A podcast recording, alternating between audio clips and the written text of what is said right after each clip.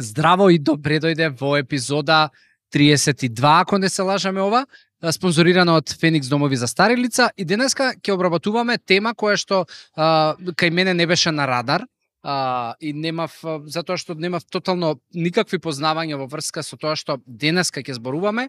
Гостинка ќе ни биде моја сограѓанка, доктор Виолета Николов, која што за кратко ќе ви се представи, ќе ви каже што прави и што работи, зошто тоа го работи и полека ќе навлеземе во темата, али ќе се работи за ќе зборуваме најмногу за а, женското здравје, односно за некои синдроми како редес а, и а, и преоптоварувањето на, на жените спортисти и, и оние кои што може би се рекреативно дури физички активни и како тоа влие врз нивниот циклус, врз а, а, шансите за идна бременост, врз нивното ментално здравје и уште многу повеќе за што а, се разбира. Имаме денес а, стручен а, човек за тоа и уживајте во овие некаде час а, содржина, бидете интерактивни, слободно поставете прашање, поврзете се со докторката ќе дознаете а, кои се незините канали за комуникација, а, а оваа содржина се разбира може да ја гледате на YouTube, на Google Podcast, Apple Podcast, Spotify, Facebook и сите останати канали и социјални мрежи. Затоа уживајте.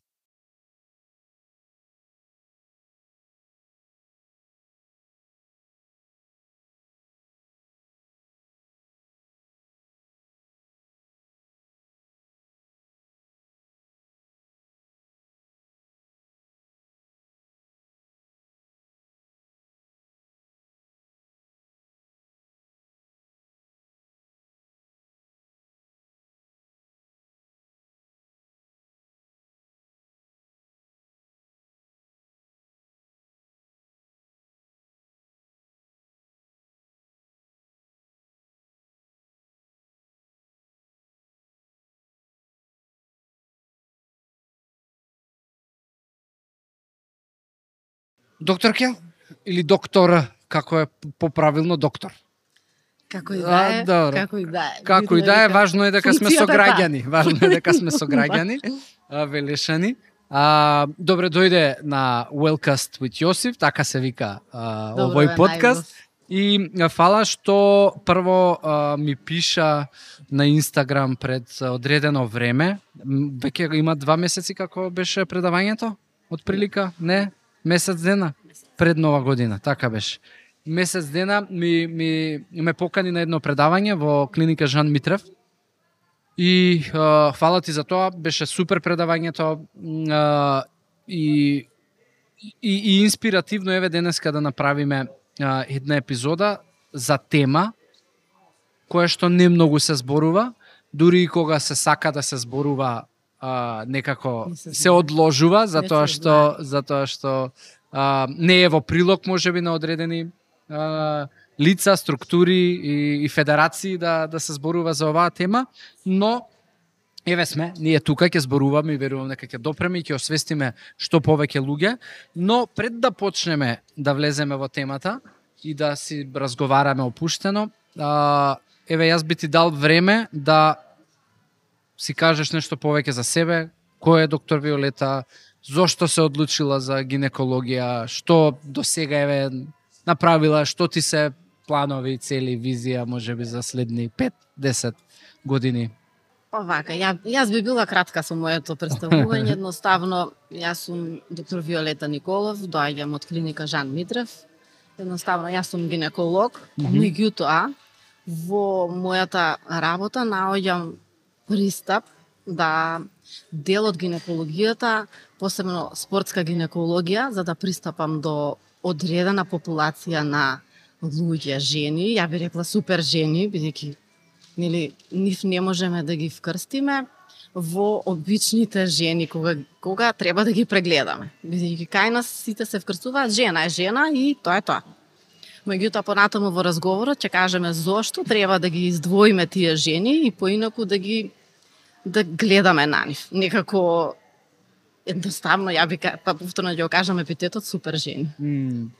Супер жени затоа што а, се им, имаат добри физички перформанси или затоа што а, на, на се што жената може би во денешно време да кажам, носи како товар на себе, па и плюс треба да покаже физички перформанси во еден машки свет, затоа што спортот пособено е се уште а, се уште машки свет и се очекува нели ако не покажеш можеби одредени слични перформанси како некој си а, а, етаблиран бренд во машкиот спорт, онда ки не си многу нешто Па да, значи машкиот спорт е и финансиски подобар, да речем женскиот спорт сериозно и подобар. И женските спортистки кога ги ставаат на насловна реклама, не ги ставаат на спортски коли.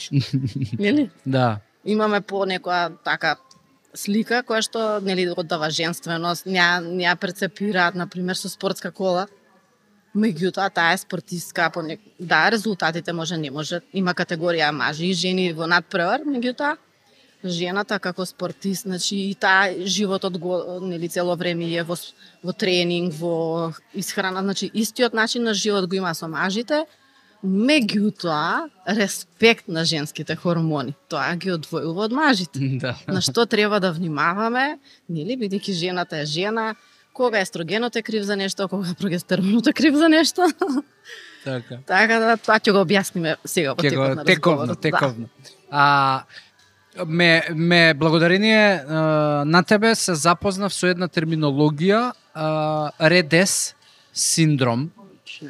А, и ете благодарение на линковите кои што ми ги прати, практично дознав дека е, е, е дури веќе во во САД е сериозна тема за која што си има а, си има да, нели постои веќе прва кривична тужба и за тренерот, Nike прави некои промени за тоа што нели Мери Кейн е, е, е сериозно има настрадано своето и физичко и ментално здравје, а можам да замислам и колку други жени спортистки имаат настрадано, кои што не зборувале можеби на темава, а, доброволно и Еве, затоа што како што мене ми беше новина, верувам уште на многу други луѓе им е новина, прв пат слушнале за Редес синдром.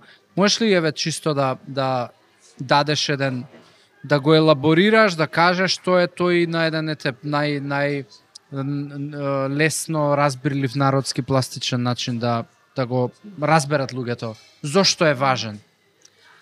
Овака веќе значи првично почнува со почну, се почнуваат испитувања, научни студии кои потекнуваат од Америка, нели нормално се да. од потекнува, значи пионир во ова, мораме да ја кажеме дека е Барбара Дринквотер, таа е спортски физиол, физиолог. Mm -hmm. И неа и било чудно што е тоа што кога снемува менструација, кога почнува да касни менструација, зошто баш кај спортистките, која е поврзаноста со исхраната, И на крај за да се дојде до една само симптоматологија врзана, како и таа ја нарекуваат женска атлетска триада. Значи, о, е, проблеми во исхраната, отсуство на менструација и остеопороза. Сметале дека први, први три симптоми се тие. Меѓутоа, покасно, како почнуваат испитувањата, како се појавуваат проблеми кај спортистите, се поврзува едно со друго, трето, значи, mm -hmm. и сега со сите тие 50 годишни наназад испитувања се доаѓа до 2014 година да Интернационален олимписки комитет сето тоа го спакува и кажува дека веќе женската атлетска триада не е само симптоматологија, дека тоа е веќе синдром. И сега да појаснам за гледачите дека синдром значи кога од едноставно, значи, од премногу интензивни тренинзи, кога храната не е соодветно урамнотежена, покасно ќе повторно ќе зборуваме за сето тоа да го појасниме уште подобро. Кога не е урамнотежена, значи цело тело нас ни пати. Рамнотежата во целото тело, значи како на психолошки, така на физиолошки начин. И сето тоа го паку, се пакува во еден а, збор, наречен релативна енергетска дефициенција во спорт, синдром, кој што значи целото тело, немаме еден систем, да речам гастроинтестинален, респираторен, значи целосно целото тело пати накратко е тоа кажано за да ги воведам нели гледачите во што уствари а, а, и која е која е значението на сето ова и уствари зборуваме за нешто што која е, која е зборот релативна енергетска дефициенција во спорт значи релативна енергетска дека е не соодвет рамнотежата не е како што треба, бидејќи mm -hmm. апсолутно е скоро престанување со исхрана. Да. А постои ли аларм кој што може да ти наговести дека а, ете имаш редес синдром? Кој е кој е симптомот и дали дали а, престанокот на циклус е, е веќе доцна? А, да човек, не, сакам да кажам, кој е стадиумот на алармирање на телото дека одиш кон редес синдром? И дали кога ќе прекине циклус веќе прилично достигнеш и тоа се веќе сериозни аларми кои што ги испраќа телото? Мораме да испочитуваме и спортска медицина, дека во спортската медицина спортистите се прегледуваат еднаш годишно. Добра. Меѓутоа, тие прегледи треба да бидат проширени, вајда тоа кај нас во државава до сега не најдов слух, барем некој да ме повика, да кажам, да секаде се борам сама. Mm -hmm. Како што кажа и јас ти, те повикав со покана на Инстаграм. Mm. Првен, нели, unknown докторка сега те поканува на нешто, добро, сето тоа беше нели позадината, што се случува, како се случува, беше добро објаснето. Значи мора да има реформи во самите прегледи. Лекарите мора да ги да, да имаме слух за, за нештата што треба да се променат. Меѓутоа, во овој случај, за овој синдром, не може туку така, не е настинка, па од денес за утре јас сум настинат. Значи, ова се случува, за да дојде до самиот синдром, треба подолго време организмот, самиот, самата спортистка да да биде подложна на таа нерамнотежа помеѓу исхраната и тренингот. Значи, главната причина за да се случи нема, нема органска причина, значи, пациентката, бидејќи за да биде диагностициран а, овој синдром, првен треба да биде има пристап од мултидисциплинарен, од лекари тим, кои што знаат за ова. Значи, првен треба да ги издвоиме сите причини органски. Mm -hmm. За да за да донесеме заеднички заклучок. Да не се случи дека чека има има можеби некаква некаков наод, да, има некоја да. така ситуација во да. со здравјето кој што придонесува за за така да се чувствува спортистката. Да, затоа Во тој случај да. ако ако се исклучени органските, тогаш да, настапува да сомнеш значи, дека да, е редес. Органски, на пример, сега пациентката ќе рече, мене ја имам ПЦО синдром полицистични јајници. Во ред, значи тога тогаш веќе имаме друг проблем. Mm -hmm. Значи поинаку треба да се пристапи. А меѓутоа убаво е кога тимот на лекари меѓу себе а, комуницираат и со тренерот и со спортист, и со, со спортистите. Меѓутоа кај нас информацијата првен треба да се пренесе за да се знае кога, како, каде бидејќи нашите спортисти немаат институција а, кој ќе му се каже имаш еве да речеме кардиолошки проблем. Mm -hmm. Каде да се лекува? Кој ќе го лекува? Се лекуваат како обични обични пациенти. Никако спортисти. Значи бидејќи тие се група луѓе, нели? Супер луѓе, така се ги имажите, нели? Каде што треба да се пристапи дали тој спортист треба да пие терапија, каква терапија, колку треба да паузира, дали треба да паузира, дали треба таа диагноза, значи дали е доволно до прегледан. Меѓутоа сите прегледи медицината не мирува, таа постојано оди напред, напред, напред и тука веќе исто и спортот оди, значи еве гледам нели ракомет сега, еве има европско, ракометот сега е динамичен, брз, пребрз. Нели? Значи си, си, сите во спортот и спортот еволуираат, спортовите да, еволуираат, значи, спортистите, ние... науката, медицината треба да прати.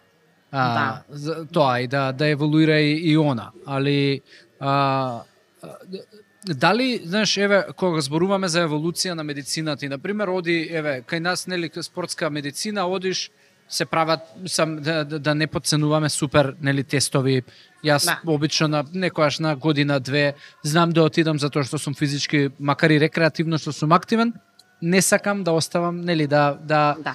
да, да, да предвидувам или да размислувам или да, знаеш, сакам да едноставно да си бидам свесен за своето здравје и да имам да да следам што се случува. Пошто го оптеретувам дополнително, физички напор тоа е дополнителен. И а, нели постои стрес тест, постои ергоспирометрија, постои, не знам, ЕКГ, телесни параметри се мерат и така натаму. А, дали за детектирање на овој синдром, може би првиот чекор е разговори со а, психолог. Затоа Па, што знаеш, некогаш еве чисто јас што си размислував од кога ми ги прати линковите. Ти енергијата не ја снемуваш преку ноќ. Така, тоа е една една исто еволуција која постепено постепено се случува и кај што има шанси менталното здравје да попушти и ти знаеш можеби ќе дојдеш во ситуација кај што си навикнат да си така периодов со енергијата па да си даваш предпоставки дека може ради ова, може ради тоа, може ради не знам што. Не си ни свесен дека постои реде синдром. А, и, и а, дали разговор со психолог може би е, е а, да кажам една добра почетна точка за детектирање после после еве органското на исклучување на Во тимот и психологот На е причина. вклучен секако. А, а, од а, дисциплинарниот, мултидисциплинарниот тим на РЕДЕС вклучува психолог. Значи, трите главни покрај интернистичкиот преглед, да биде психолог, гинеколог, Значи, тие се многу важни, како и, значи, тука се и физиот, Значи, тренерите не можеме да ги исклучиме, бидејќи нив- нивен дослуг, значи, како оди тренингот, се, значи, пред надпревари важни, психологот мора да знае. Меѓутоа, во секој случај, значи, пред надпреварувачката сезона, тоа е еднаш годишно, до два пати годишно треба да се случува тие тие систематски прегледи. Што значат систематските прегледи? Тие систематски прегледи се скрининг прегледи за да се издвојат оние спортисти кои што имаат проблем. Што значи, ако, еве да речеме, спортистот има картон, каде што, нели, како што имаме здравствен картон, и во тој здравствен картон се забележува килажа, значи како е, што е, кои се параметри, значи целосно, нели, прегледан со ЕКГ, со спирометрија, со ергоспирометрија, со ехо на срце, М. значи од гинеколог прегледан, хормонски статус, психолог прегледал. И штом ќе се види дека од минатата година до оваа година спортистот може и во текот на годината да рече јас а, стагнирам во, во, во моите, еве да речем атлетичаре, така. стагнирам во моите резултати. Значи не можам, дури колку тренирам и повеќе и повеќе тренирам и јас одам наназад. Значи нешто се случува со мене. Се не можеме причината да наоѓаме стално во нешто дека ете се редес влегувам во нешто. Меѓутоа, кога ќе се урамнотежи одморот и храната со тренингот и со соодветен одмор, вајда ако му се даде на самиот спортист, еве лекарите сме го прегледале. Значи тренерот треба да биде свесен тука дека може треба да даде одмор за да спортистот се врати во форма. Значи формата е, е динамична и Да, ама тренерот треба да знае пред се за Треба да биде обучен, Ја не верувам да. дека се свесните тренерите, еве ти ако да речеме ако ние зборуваме за за тренерот на Мери Кен, заборав како се вика, што има кривична сега. А, значи што е така, тоа е нај еден од најдобрите тренери Да, да. Да за тренира исклучиво атлетика, така, да. Најк спортисти за прво место. спортисти баш за прво место. Ако он не е свесен, тогаш што правиме, неш... или може би бил свесен, ама не е у прилог да да Он стереотипот на машки спортисти го има. Мгм. Значи он а, машките тренери и та- и така како треба да ги почитуваат хормонските варијации кај женските спортисти. Значи, можеме малце сега вака и за и за спортистките што гледаат, ако гледаат и тренери, значи доколку можат, доколку нешто им е нејасно, значи може нека ти пишат во порака, ќе да објасниме нели или преку тебе мене нека ме контактираат, значи нешто можеби кажуваме што не им е јасно Јасно. за да се да објасниме. Многу е битно информацијата да протече и да дојде до некој, посебно што не знаат, за да почнат да помислуваат на нешто дека може има и сега ти си тренер, сакаш од мене да бидам подобра и подобра, треба да нели да ме почитуваш и моето тело и се, меѓутоа нели се знае кога се кога се тренира елитен спорт, зборуваме, нели за не зборуваме за нешто рекреативно. Значи да се почитува и хормо, и менструална менструален циклус, хормони, исхрана, целосно спортистката треба да, да ти даде тебе резултат. Не може ти денеска, утре други ден како со мажите да се како со машки спортисти да се мери. Mm -hmm. Има период од циклусот каде што ти можеш, нели, во во разговор со неа, денеска не можам ќе ти кажам. Имам проблеми. Значи една како што нели ти пишав да, кинеска кинеска, кинеска пливачка, значи поради болка во стомакот, поради прв ден од менструација, поради болка, не освојуваат прво место, се четврто место на Олимпијада во Рио.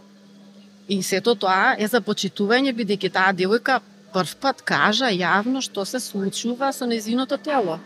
Меѓутоа, ако а, е сега не знам дали контрацептиви се дозволени во текот на а, такви надпреварувања, доколку во, во консултација со лекар доколку циклусот, на пример, она сега еве треба да да зборуваме за пливачките. Значи, они имаат проблем со менструација. Во тој период да пие контрацептиви и кај неа нема да има таква хормонска варијација, значи ќе се одложил циклусот, немало да добие болка. Меѓутоа, неа болката направи позната. Ја така направи позната за да зборува за женските проблеми. Јасно. За да се размислува, нели, што би можело да се направи во тој период на надпреварување, бидејќи тоа надпреварување Олимпијада нели се представуваш и еднаш на 4 години. Така е. После поправене дури после 4 години. Меѓутоа таа беше среќна и со четвртото место. А... И си те охрабрија. Точно. А кога зборуваме за циклусот, а, како настанува да да знаеш кој е кој е редоследот на настани за да дојде до прекинување на циклус кај кај спортистките и, и еве, па и сериозно физички активни жени, а затоа што знаеш ти како ја спомна и исхраната преска, а, одма ми текна дека знаеш колку еве јас порано кога посериозно нели работев со луѓе во делот на исхрана, колку многу девојки преоптеретени со тоа како се доживувани нели со изглед со килажа, колку многу а, инвестираат во време посветено на физичка активност со големи калориски дефицити се со цел нели побрзо да да ослабнат. И и си викам нешто, а уствари реда синдромот е многу и присутен уствари и кај и кај обичните Само кај се вика малнутриција. Ете така. Али еве кој е кој е редоследот на настани кај жени спортисти, ќе ќе опфатиме ви рекреативци, за, за да дојде еве до прекин на, на циклус за... и што тоа значи за долгорочно за здравието на изино, за перформансите на изини, за кариерата? А, значи зборуваме за рекреативци, не три пати неделно што тренираат, што тренираат повеќе од пет пати неделно. Да. Значи бидејќи тоа е веќе по интензивни тренинзи. Точно. Со три пати неделно веќе си има одмор и се, тој калориски дефицит не можеме да зборуваме за баш калориски дефицит за да биде калориски дефицит, значи мора и, и самиот а, вака навиду може да биде идеално телото, меѓутоа боди мас индекс за идеален, ама има други параметри кои што ќе укажат на сето тоа. Значи делот и испитување ги прават и на факултет за физичка култура, посебно кога се мери издржливост, маса, се мери фет фри мас, не знам, те така. таму кај нив. Не сакам да навлегувам нешто што не го знам, си зборувам за мојата тема. Mm -hmm. Меѓутоа, за да дојдат ова долго, долгорочно, а, долго време кога организмот пати. Значи тој сака да одржи рамнотежа. Првично рамнотежата е исхраната, менструалниот, менструалниот циклус и коскеното здравје. Меѓутоа, за да се поремети тоа, треба да се поремети триаголникот на исхрана, тренинг и одмор. Значи, кога тој триаголник ќе се поремети, тогаш веќе првично, меѓутоа ќе почне првен еднаш месец, еднаш изостанување на циклус, па два месеца, триет месец. Еднаш изостанување на циклус не е некоја патологија. Значи веќе три месеци изостанување, веќе тука сериозно. Три месеци воопшто да не се појавил циклус, тоа е да, така. три месеци да веќе треба да биде загрижен. Иако на еден месец може би е пред некое стресно надпреварување, нешто нешто се случило, нели едноставно еден месец не можеме тука да да бараме нешто како да кажам некоја патологија, ќе речеме дојди пак наредниот месец да видиме не може тука така најнаш да изложуваме и на на испитувања бидејќи од еден месец не, не во рета да испитуваш, меѓутоа добичен гинеколошки преглед, поарно да направиш уште еден контролен, за да имаш што да споредуваш. И сега, значи, да, да се вратам на тренирањето. Значи, Повели. прекумерното тре, тренирање, кога не е балансирано исхраната, тренингот и одморот. Значи, зборуваме за период, тоа е период кога почнува, значи, исхраната се намалува, менструацијата почнува да касни. Значи, првен, првен имаме краткорочни промени, за да дојде до долгорочните промени и да влезе спортистката во ред синдром. Мгм. Значи таа не влегува наеднаш. Првен тренерот треба да примети по перформансите.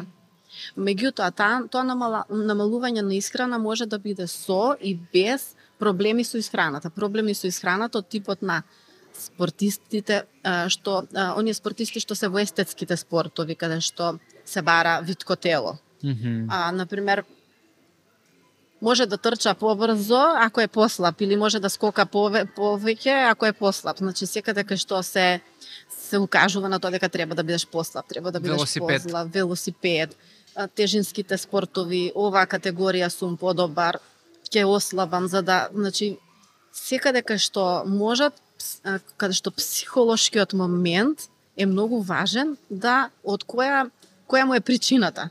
Кај жените може да е и психолошки проблем со анорексија, нервоза, со булимија, каде што психологот таму треба да види дека има потреба од негово присуство, од негова терапија, диагностика, значи, нели психијатар се вклучува оти тие психолошки моменти мора да бидат видени и тоа мора да се третира, бидејќи влегува од една обична еве ризик фактор низ храната, значи менструација, па почнува имунитет се намалува, хормонски дисбаланс, почнува тироидна проблеми со тироидна, почнува кардиоваскуларниот систем, метаболизмот се нам, значи ако сама се онак сега зборувам ја гинеколог, меѓутоа главна енергет, енергетски извор се јаглехидратите и мастите.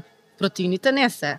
Меѓутоа кога е пореметено тоа внесување, нели, бидејќи исхраната треба да содржи се. И јаглехидрати, и протеини, Така е. и масти. Меѓутоа, кога го немаш доволно основниот извор на енергија, организмот мора од некаде да, да земе. Кога немаш рамнотежа, и целото си пати, си пати, си пати, додека еднаш ти дава еден знак, уште еден знак. Додека Него нема сеќаваш- суровини веќе за додека производство на, нема, на... да. После влегува хронични анеми, значи а на крај го кажав во атлетската триада дека проблеми со исхрана, менструација и остеопороза. Значи проблемите со исхрана, значи веќе доаѓаат а, една која што ја кажа Мери Кейн, значи она веќе имала дури и шест скршеници додека трча. Значи додека трча, не паѓа. Значи едноставно до додека толку трча оштетени. до толку од исхраната, значи од една обична исхрана. Не зборуваме за органски фактор. Така значи зборуваме за Здрав прав човек кој што кој што е намалува исхрана. м, само за да ослабе и за да има подобри Па се не перформанси. за да ослабе, значи интензивните тренинзи кога се нема психолошки проблем. Значи, меѓутоа, исхраната е намалена поради несоодветен тренинг.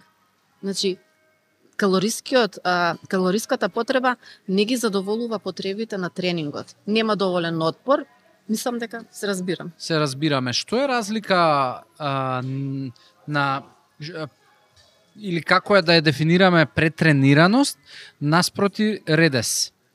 Синдромот и што е што е еве, да кажеме, што ги диференцира тие две? Значи, диагноза нема. Единствено, претренираноста е пред период влегување, веќе чукаш Аха. на врата за ворец.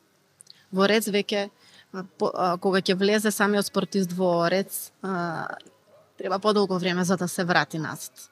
Постојат генерални препораки, на пример, за исхрана кога веќе се, Нутриционистот тоа, Тоа ги, да, нема ергос- нема генерално, туку е се врз основа на индивидуално на на, Да, на нем- лицето да. кое што нема нема како како тоа го кажуваат убаво one fits for all. да Значи нема еден модел за сите, значи секој е сам за себе. Секој индивидуа, значи не може исто јас и ти да имаме потреби калориски, нели? Или јас со некоја друга.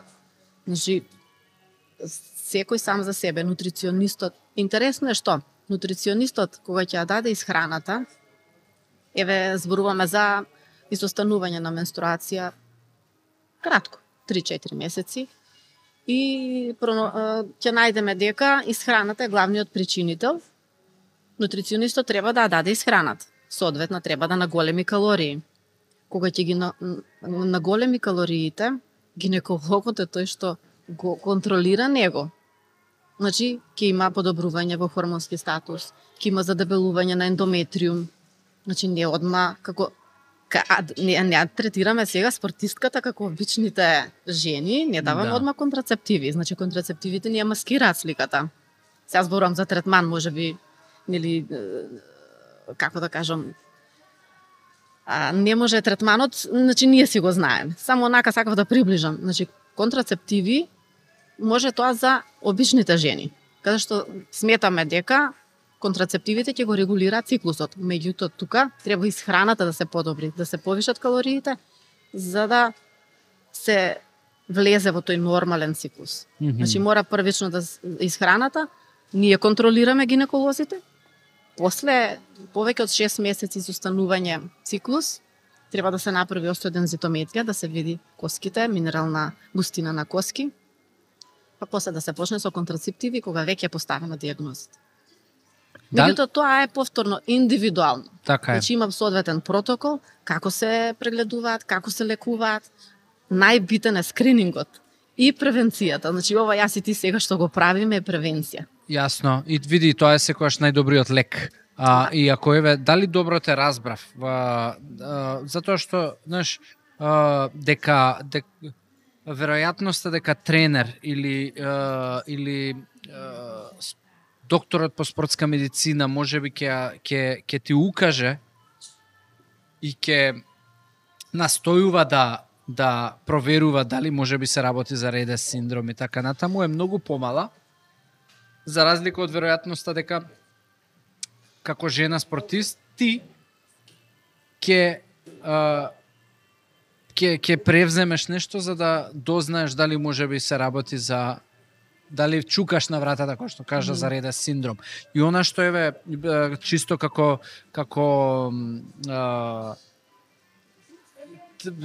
совет кој што јас би го би, би си го земал за себе ако сум жена спортист е а, да врз основа на ако гледам дека се дава многу во тренингот, а перформансите стагнираат или паѓаат, и ако дополнително гледам проблеми со циклус, дефинитивно треба да почнам да да треба да размислувам, да посетам кој лекар? Па во моментов за ова зборувам само јас. Значи и мојот тим во Жан Митрев знаат за ова. Се трудам да допрам до други лекари. Тоа значи дека ако отидам кај друг гинеколог на пример, ќе ќе отиде со шорткат, контрацептиви ќе да. препорача. Мислам да. Да ја замаскира да, ситуацијата да, и ти да добиеш А тоа може да биде а, како бумеранг да ти се врати да има уште поголеми последици? Тоа ја заскрива клиничката слика. Значи, И само ти паѓа перформансот, може проблеми со коските да се случат. Да, да не значи, зборувам да, за ментални психички проблеми, да. кои што поради немање добар перформанс кај спортист ќе се да. потенцираат и така. Претренираноста уствари нели нема диагноза, меѓутоа главна дефиниција за претренираност се, се, се мешам во друг во друг вакво, mm. меѓутоа не е мешање, туку е. Да, главната дефиниција е дека тренираш, колку повеќе тренираш, а ако а, а, перформансите ти стагнираат и одат наназад, значи значи си во пред, значи си претрениран. Чукаш на врата. Си претрениран. Добро. Меѓутоа, најлесните психолошки, да речам, се најлесни нај, најлесни знаци за препознавање, значи намалена мускулна сила. Не е психолошки, туку е физиолошки mm. сега тоа. Значи намалена мускулна сила, бидејќи немаш доволно изворна енергија. Значи имаш намален одговор на тренингот, не можеш да го издржиш. Тоа те прави иритабилен, концентрацијата ти ја намалува, значи почнуваш е, имунитетот се намалува, имаш голем, зголемен ризикот за повреди. Така да тоа се сите суптилни знаци за кои што да си претрениран и продолжуваш да тренираш, продолжуваш да тренираш и веќе влегуваш во нешто што почнува а, како да кажам крвта да слабе или анемија mm. да се јавува, значи други симптоми, за да на крај, значи меѓу другото да се јави нели остеопороза скршеница да се јави од нигде никаде. Јасно. А во контекст на ова се еднаш ми идат мене цело време прашања некои. А, а, а ајде да, да допреме еве обично граѓанство и рекреативни лица. Физичката активност така да обично се препорачува а, и, и, и е многу, знаеш, и секој од нас е многу свесен дека физичка активност позитивно влијае на севкупно здравје. Да. А, е сега од друга страна, а, кај жените постојат етапи и специфичности а, во животот кои што ја прават физичката активност можеби некогаш ризична, некогаш можеби многу попотребна и така натаму. Сега мене конкретно ме интересира, ајде прво ќе почнам со со а, хормони. Ш, а, ш, како треба да се однесува една девојка и жена која што има хормонален дисбаланс, еве народски да да се изразам, кон физичката активност. Дали треба да ја намалува, да ја избегнува или повторно или од каде да почне за да и е јасно што треба да направи со физичката активност и како да продолжи. Најчесто спортистките, значи почесто се случува кај атлетичарки, а, кај што кај што има интензивни тренинзи, кај колективните спортови не така често се случува, но мораме да го најдеме проблемот. Добра. Затоа е скринингот. Балерините, а, оние а, спортови каде што бараат интензивни, сите спортови бараат, нели, кога си професионален, интензивни. Па види да не си професионален, на пример еве во денешно време е, рекреативни спортови како кросфит, одредени функционални знаеш тренинзи, а, јас имам многу пријатели, познаници, девојки кои што се по пет пати во неделата активни, тоа сериозно, мислам тоа се тренинзи кои што се Да. п- многу сам се трошат многу калории, под голем напор се става телото. Добро, да. Трошењето калории, нели, фитнес индустријата Да. тоа многу добро го препознала и нели Да. затоа се тие фит, фитнес клубови како Така да ги наречам, каде што фитнес тренерите треба да бидат запознаени со ова. Значи и во рете пет пати да трени, значи да се разбереме нели спортот е убав, спортот е здравје. Може да тренирате по пет пати. Ден, а, секојдневниот стрес ги дури ги релаксира кога Апсолутно. кога спортуваат. Меѓутоа, ако еве еден циклус не, меѓутоа повеќе од три циклуси И плюс сигурно, ја верувам дека во одредени фитнес, како да кажам, клубови, вајда имаат ваги, вај да имаат препораки некои колку треба, како треба, значи не е во ред да го гледаш некој дека славе е многу брзо и некоректно и да не му кажеш дека тоа не е во ред. Не треба да прекјутиш. Отколку само да му ги зимаш парите, нели да ти тренира, а тој секако ќе се откаже. Значи, само прашање на време И да го кога- злоупотребиш да го постираш на социјални мрежи како успешна а, тој, приказна. Тој секако ќе се откаже за месец два од кога тоа веќе ќе нема енергија, ќе не може да да доаѓа. Значи по подобро ти е да трае и еве и тренерите и спортистките да разберат за нешто што треба да трае и спортистот треба да трае. Значи таа жена треба да се оствари како мајка, треба да нели жена, тоа е целта на М. нашето битие. За да зошто? За заради некој што не зна, во ред е да не знаеш не е во ред да слушнеш нешто и да се однесуваш кон тоа дека не си го слушнал или нема врска, не, и во Македонија го има, значи и бидејќи ова не е заразно, па сега го има таму во Така е, Америка, така е, па така. кај нас го нема. Значи ова е тренд и ова овие сите тие интензивни тренинзи со индивидуални на сабајле, на вечер други тренинзи спортистките, макар и овие што се а, како да кажам непрофесионални, мора да Рекреативни. се рекреативни, мора да се знае за вакво нешто. Дека мора да се прегледаат како што треба. Еве, спортска медицина тоа што го нуди нека се прегледаат, меѓутоа кога ќе се слушне нешто за вакво и ако се примети, убаво е да се упати некаде. Јасно. А, нај еве да речеме на на па, може грешам, ќе ме поправиш, на памет ми доаѓаат да, може би трите најчести хормонални нерамноте, нерамнотежи. Тоа е по мене тироидна. Железна знае многу е денеска често среќавана да некој има некаков проблем со тироидна. А, инсулинска резистенција и, и би го ставил тука можеби пролактин или естроген? Стрес, тоа се стресни хормони, така да тие се први што реагираат. Дали дали а, физичката активност ќе помогне? Значи се додека е во граници на нормала, кога се уште се одржува рамнотежа, како што кажав, тренинг, исхрана и одмор, ќе помогне. Да. Mm -hmm. Меѓутоа кога почнува малку да за, за да застранува, во рете да му се каже. Макар да и се каже. Да и се каже, да и се каже, бидејќи и мажите можат да влезат во во претренираност. Охо. И кај нив може да настане дисбаланс. Особено кога има таа компетитивност, нели, помеѓу да, мажите. За жените. Да. И сега, например, тука и родителите, пријателите, значи сега сакам додам да гледам нечија керка, на пријателката моја, керката да ја гледам, доаѓам на утакмица, приметувам дека детево еднаш беше добро, сега не е добро, што се случува. Нели, значи, сум дошла, слушај, сум слушнала нешто. Значи, сите во превенцијава сме сме важни. Mm -hmm. Значи, сите. Родителите, пријателите, тренерот, физиотренерот, по фитнес клубовите, тренерите, сите, професорите на факултет за физичка култура, спортска медицина, лекарите, гинеколозите, значи сите. Супер. Па сите имаме одговорност. Апсолутно се сложувам. Тоест треба да имаат одговорност. Немаат сите одговорност.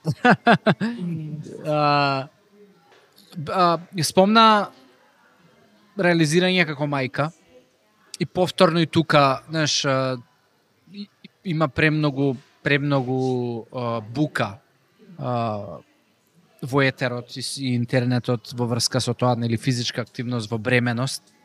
И еве ја што следам неколку влијателни тренери кога можеби ќе постават а, можност за нивните следбеници, ајде сега поставете ми прашање, нивните следбеници поставуваат прашање. Многу често дело тие прашања се а, нели бремена сум, што да правам, да продолжам да вежбам и така натаму, што е многу тешко да го одговори човек преку Инстаграм. Да, вежба, ја да не ја знае историјата. А кој е твојот став по однос на а, бременост и физичка активност? Вака сега, значи ако зборуваме како спортиста е во екот на кариерата, тие не сакаат тогаш да останат бремени. Добра. Значи тогаш треба да се контролира бременост. Мислам дали да се остане бремена, дали бидејќи ги калкулираат. Значи имам европско, имам светско, па сега не, па сега сум во Припреми. топ форма, да. да. Меѓутоа, ако се работи за спортистка, тоа го планира.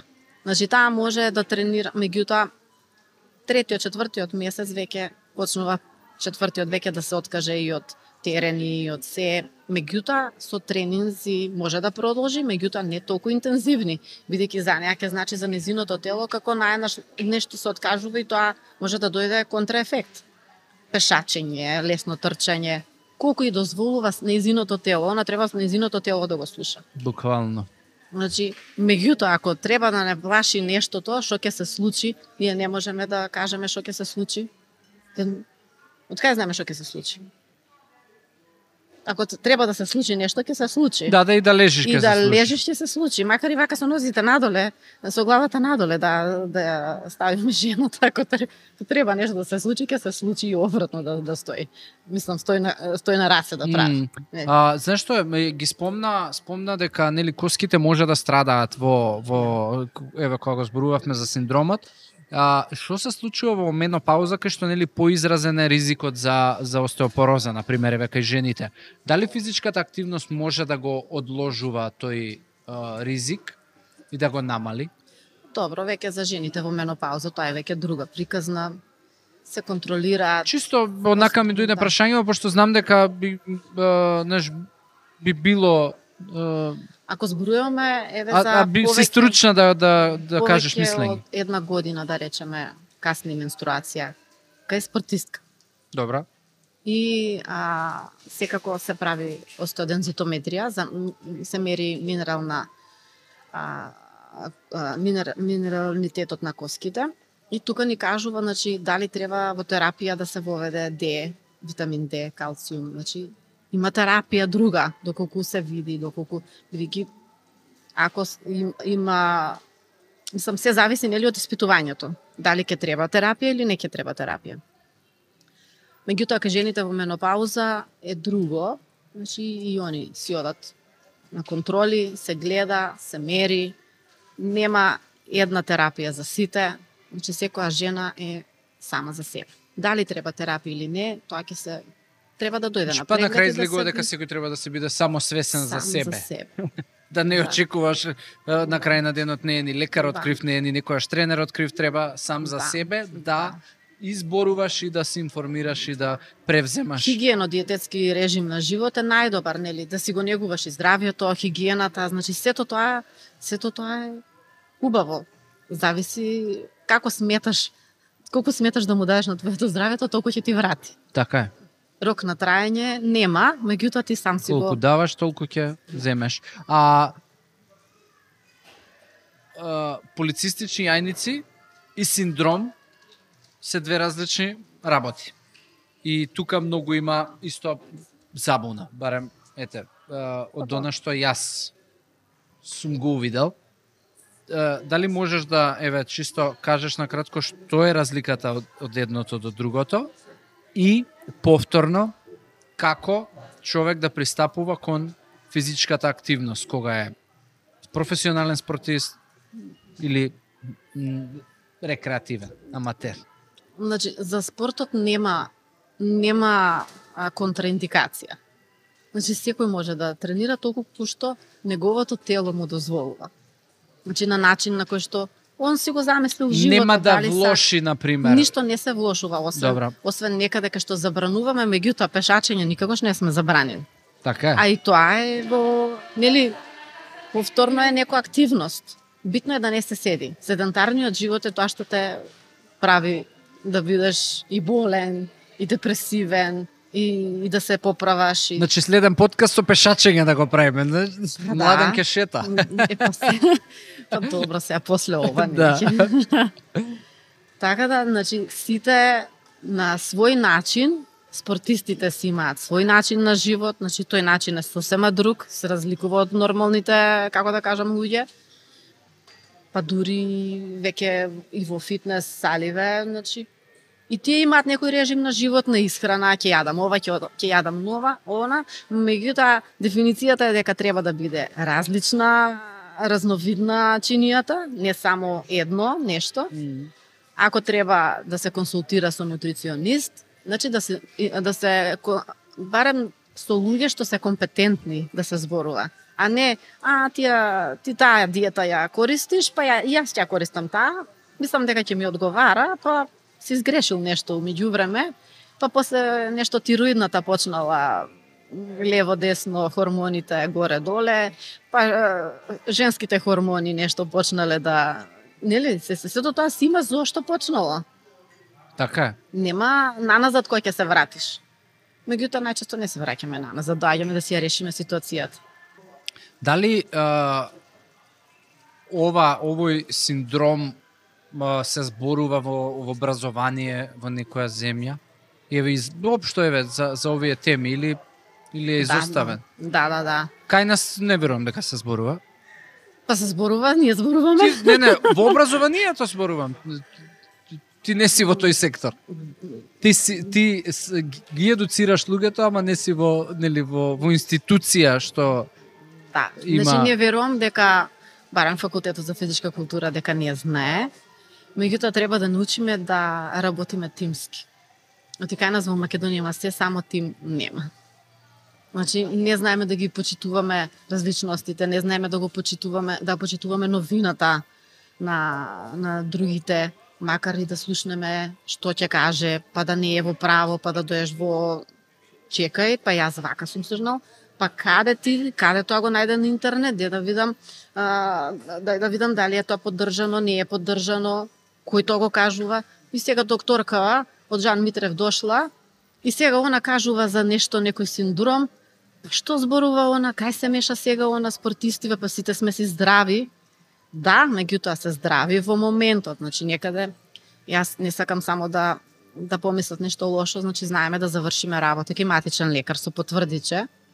Значи локално по градовиве интернист само да подпише, само со ЕКГ и со значи тоа е најминималното нешто што ќе се даде за да спортист е, во лига биде, нели да, тренира. Да. Да учествува, да, да се надпреварува. Диши, диши, ЕКГ добар си. Па, нели може, може би е, сега не знам како да кажам, може напаѓам некого, да не бидам и погрешно сватена, ама да знаеме дека има и нешто друго, кај што доколку сакаме резултати, резултатите не доаѓаат само од тренерот, доаѓаат и од докторите, и од тимот, и од самото комуницирање со значи тоа е тоа. И, има ли некои возбудливи новини, трендови у медицинава што така ете се се благо наклонети и охрабрувачки за женскиве спортови? Па жените веќе почнуваат и машки спортови, веќе нема женски машки спорт. Mm -hmm. Значи тоа е вајда Не, во, во медицината конкретно на пример што што еве а, знаеш каде пошто до сега а, и дали ова е новината која што денеска збориме дека дека а, жените спортисти освен што ќе отидат на нели на спортска медицина и на нели на тој протокол кој што и мажите одат, практично жените одат на тоа затоа што мажите на тој протокол одат, дали тоа освежувањето и дополнувањето и новиот тренд треба да биде и, и гинеколог? Па да, веќе после 2010 или, година. Или ендокринолог, не знам да го види хормоналниот статус. Па добро, да ама нема ехо да види. Така е тоа што треба да се види, све. Значи, од 2010 година Американскиот коледж на спортска медицина воведува гинеколог. Mm -hmm. Бразилскиот олимписки тим воведува гинеколог како а, пилот проект. Бидејќи досегашните испитувања се правени а, со спортисти исклучиво мажи. Значи, не се правени, не, не се видени нели трендовски сега, дека жените се повеќе и повеќе навлегуваат во спортот, бидејќи трендовски а, се качува нели она процентот на жени спортисти професионални. А не се обрнува внимание значи како а, калориите калориските потреби во текот на целиот менструален циклус кај жената се потребни за да она постигне резултат дали а, повеќе треба, на пример, бидејќи менструалниот циклус има 5 дена крварење, па значи првата фаза е естрогенска, овулација, па прогестеронска, секреторна фаза. Значи во еве едно како да кажам, ед, ед, една а, едно, едно упатство, mm -hmm. на пример за спортисткиве, значи подобри резултати се добиваат во првата фаза, во естрогенската фаза каде што естрогенот а, дава енергија, тој ги ги активира липолитичните ензими, липолизата. А меѓутоа е активатор на енергија, за разлика од прогестеронот. Значи во прогестеронската фаза убаво е тренинците да бидат полесни, бидејќи не може 30 дена да тренира интензивно. Значи првата фаза естрогенската е таа или доколку спортистката е водена тим лекари меѓу кои гинеколог и кажуваме дека три месеци ќе ја ставиме на контрацептиви, бидејќи има важно надпреварување, каде што контрацептивите не даваат флуктуирање големо на, на хормоните mm. и таа ќе има идеални и тренинзи, перформанси и резултати. Не дека овие што не пијат нема да имаат. Меѓутоа веќе се оди до секунди. Веќе. Да, да, да, да, е, тука се веќе најмалите да, Никој не размислувал да за колку е, нутритивните вредности ќе бидат ќе имаат влијание во резултатите кај според промената на хормонската варијација кај жената и како таа ќе ги даде перформансите. Меѓутоа, ако знае за ова и тимот, еве, нели, предизвика ова веќе, за да можеш да лекуваш, за да значи, одредени лекари треба да препознаат и за да лекува треба да крене телефон, да се јави, да праша. Значи не е во ред да задржи да лекува тука не лекува еден доктор. Значи тимот е тој. Јасно. Макар и да не знаеш, убаво е да се консултираш во Жан Митрев клиникава чисто да не дојде до забуна, тебе нема да те најдат во, во спортска медицина. Така, да. ти, ти не си во, тоа не е твојот оддел.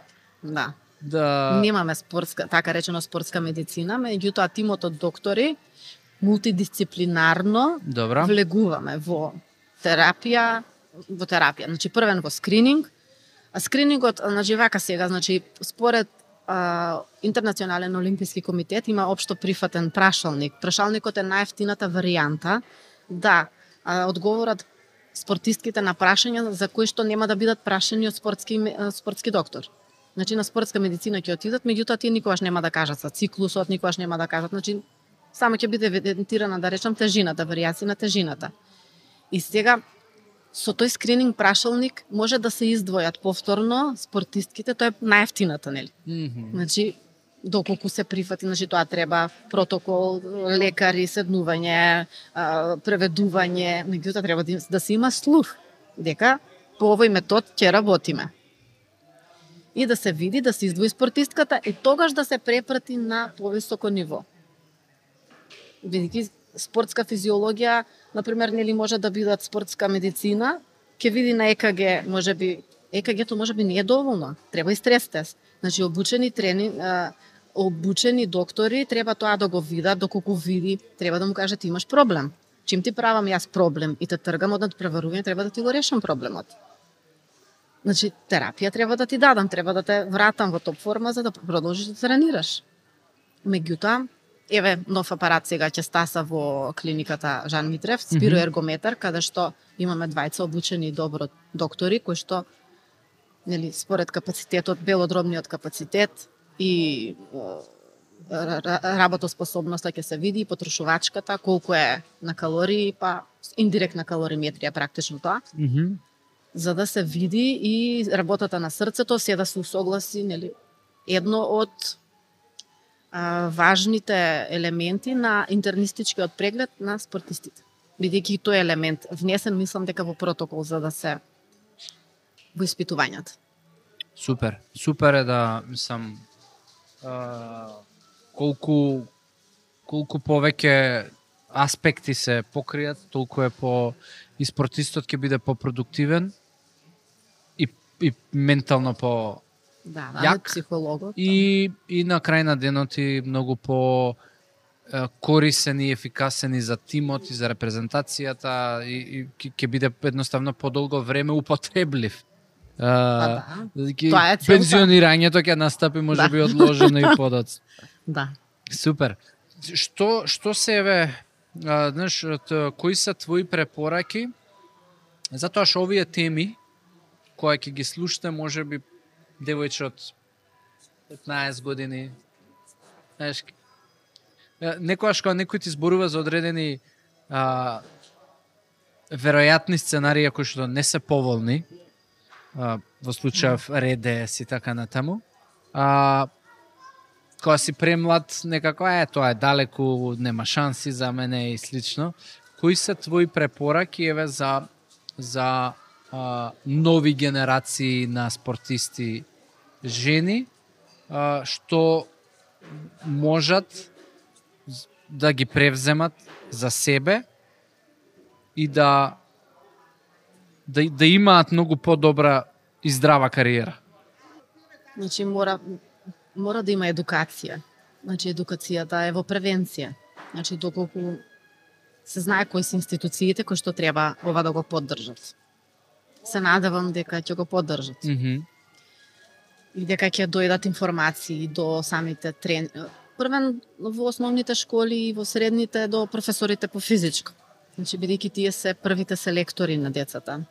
Значи, штом ќе видат детенци одма, ако имаат нешто клубче, одма, нели се насочува детето уште уште од основно. Mm -hmm. Дојди ваму да тренираш, дојди таму да тренираш во зависност која е насоката на на самиот а, професор по физичко. Значи треба и они да знаат. Родителите, веќе кога детето почнува да тренира, три пати неделно, кога оди само рекреативно, не. Меѓутоа, веќе кога оди во средно веќе посериозно се тогаш веќе кај нас децата во главном посериозно почнуваат во средно, иако карате се на помали. Има спортови кои што уште на помали возрасти веќе влегуваат во професионален спорт, да речеме, еве. Значи таму веќе тренерите од самата федерација, вајда треба да се треба да организира такви предавања, запознавања. Не верувам дека не стасало нешто до нив бидејќи секако беа известени повеќето федерации за нашето предавање. Mm. Не знам од која причина некои федерации тоа го из, изигнорираа, меѓутоа тука нема запирање. Јас кажав дека ако не може од озгора, значи за да дојде пациентката кај мене во во канцеларија, таа не знае првен зошто да дојде кај мене. Не мора и кај мене, меѓутоа кога ќе испаднам на терен, кога Да. ќе почнам од другата страна, значи од кај спортистките, веќе веќе Па кога тоа ми е мене барем многу страна, поверојатно сценарио за за промена неголи знаеш затоа што а, до а, кога ќе се создаде критична маса на спортистки кои Да. што а, се свесни зборуваат за ова знаеш не може да останат без слух да.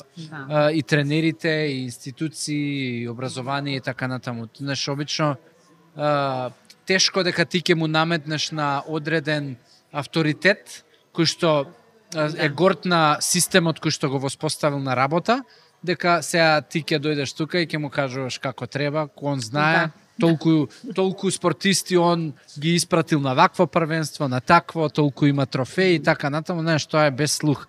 Така да Да, многу е поверојатно дека На со една репрезентација, да, да не ја посочувам, уствари Фудбалска федерација ми дозволи да направам предавања во сите во сите нивни женски селекции. Браво.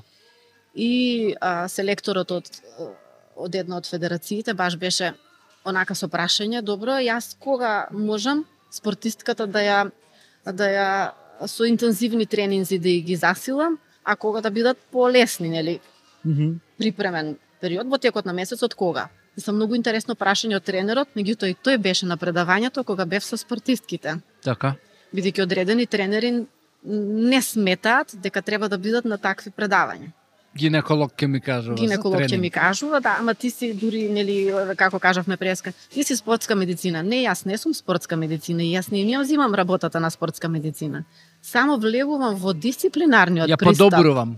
Ја подобрувам, да. Ја збогатувам. Адванс. Да. Значи, на повисоко ниво веќе зборуваме. Ние не сме за сите, значи сите спортисти. Ние сме таму кај што ќе треба, кај што ќе се најде проблем. Не секоја жена треба да влезе во во ординација како како поради проблем со менструација. така е. Значи, нели, органска причина може би има. Меѓутоа, рабо... причината е доколку веќе се занимава а, професионално, да помислува на тоа.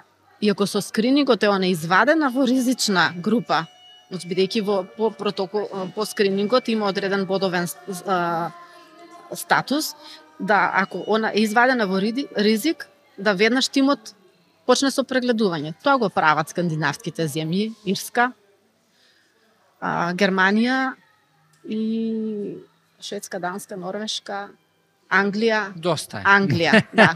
И и Америка заедно со Канада, тој тим кој што го дава тоа е тимот од 17 научни истражувачи на оваа тема кој што учествува во креирањето на протоколите за скрининг, превенција и третман.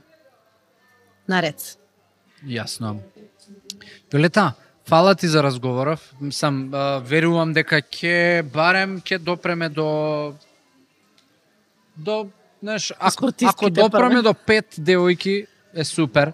Ако допреме до уште некои тренери или луѓе вклучено во образовен процес или доктори по спортска медицина уште поубаво или било какви дисциплини, мислам од од која експертиза, тоа ќе биде супер и тоа е целта, не е целта ние се тука наеднаш нели готово се зборуваме и од утре сите промени се случуваат, тоа тешко, али ја ќе сум среќен и верувам и ти ако ако допреме и ќе и мислам дека ќе допреме.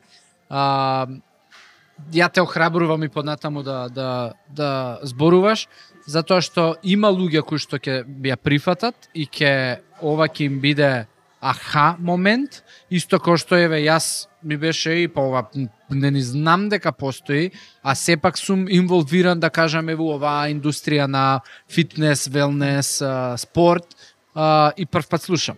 А, така да Фала ти за денешното гостување и за разговорот и се надам дека следниот пат кога ќе ми бидеш е, гостинка, ќе ќе зборуваме ќе зборуваме за твојата гордост за резултатите постигнати. Статистички сме се подобриле. да. Добро истовремено и ти благодарам да што ме покани да гостувам во оваа емисија.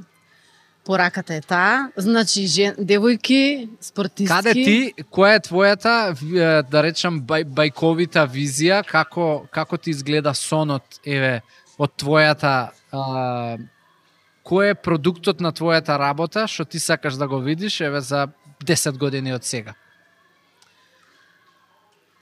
да имаме некоја спортистка барем да се пензионира таму над 40 години, ама со одржлив резултат.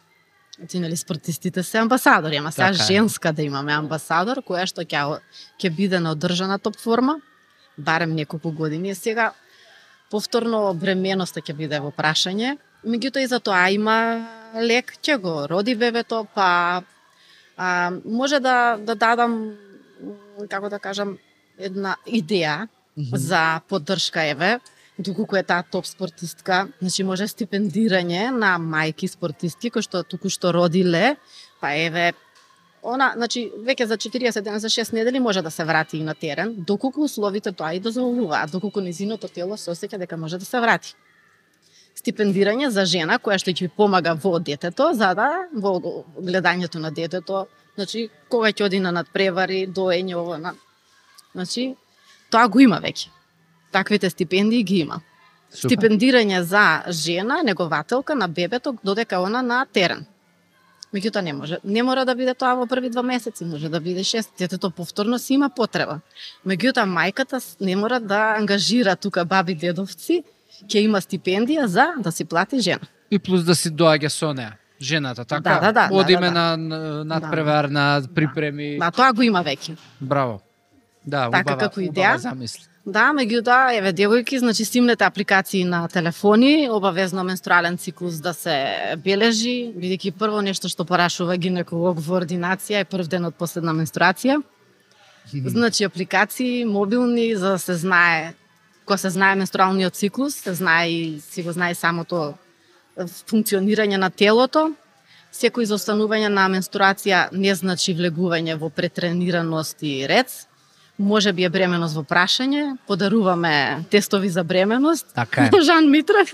Ги заборави, фарно да. ме подсети. Значи, значи секој кој што кој што еве ќе ни ќе ми искомуницира мене или или доктор Виолета може да му поклониме а, тест да. за бременост. А, не мора одма да го прави, ама нека си го има за кој ќе планира да го прави, така да фала што ме подсети. Да. Извини. Али ќе ќе додадеме и у description текстот дека да, дека секој гледај до крај да. и имаме специјално изненадување. Па ете да. гледаш добро секој се погоди на крај да го значи мора да се побари органска причина. Да. Значи една од причините може би е бременост. Може така би. да, да. Значи ова онак за поклон, меѓутоа најглавната а, порака би сакала, значи апликација со менструален циклус и да се знае редовноста за да може да се гледа. Супер. Фала ти уште еднаш и а, фала ви на сите вас што ете, останавте до крај во епизодава. Се надам Машки да не е страшно да останете до крај, па и да да земете тест за бременост и да го имате чисто во во рака да и го подадете на сопругата. Живо во разговорот, се надевам дека ќе биде остварена целта. И јас исто. Чао. Чао.